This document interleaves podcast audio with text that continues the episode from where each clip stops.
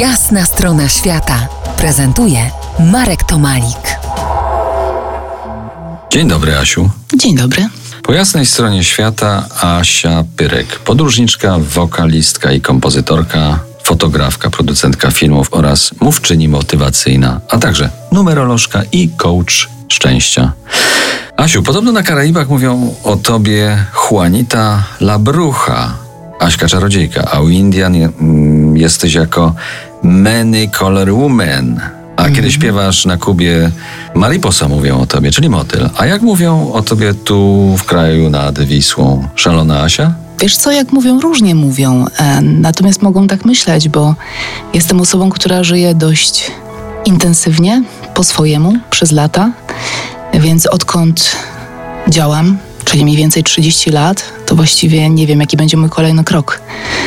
Odkrywam życie kawałek po kawałku i, i właściwie projekt za projektem realizuję różne szalone pomysły. W związku z tym może szalona Aśka, może gdzieś tam tak funkcjonuje.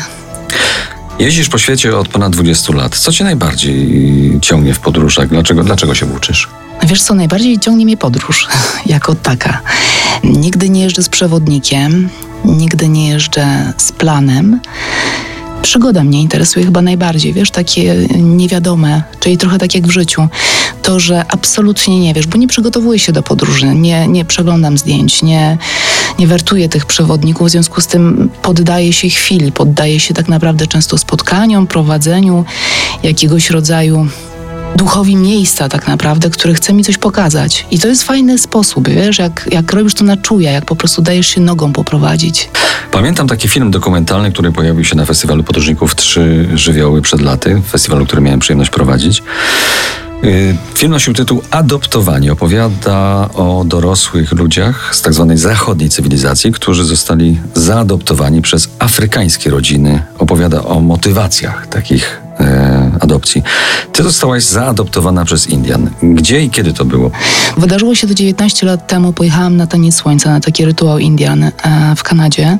To jest rytuał jeden z najświętszych e, w Ameryce Północnej, a także w Południowej, ale to jest Indianie Prairie i, i równin, więc Indianie czarne stopy po tańcu słońca zaadoptowali mnie po prostu. A taniec słońca jest to rytuał, w którym e, biorą udział głównie mężczyźni, ale też kobiety, jako że dopełniają energetycznie tą przestrzeń.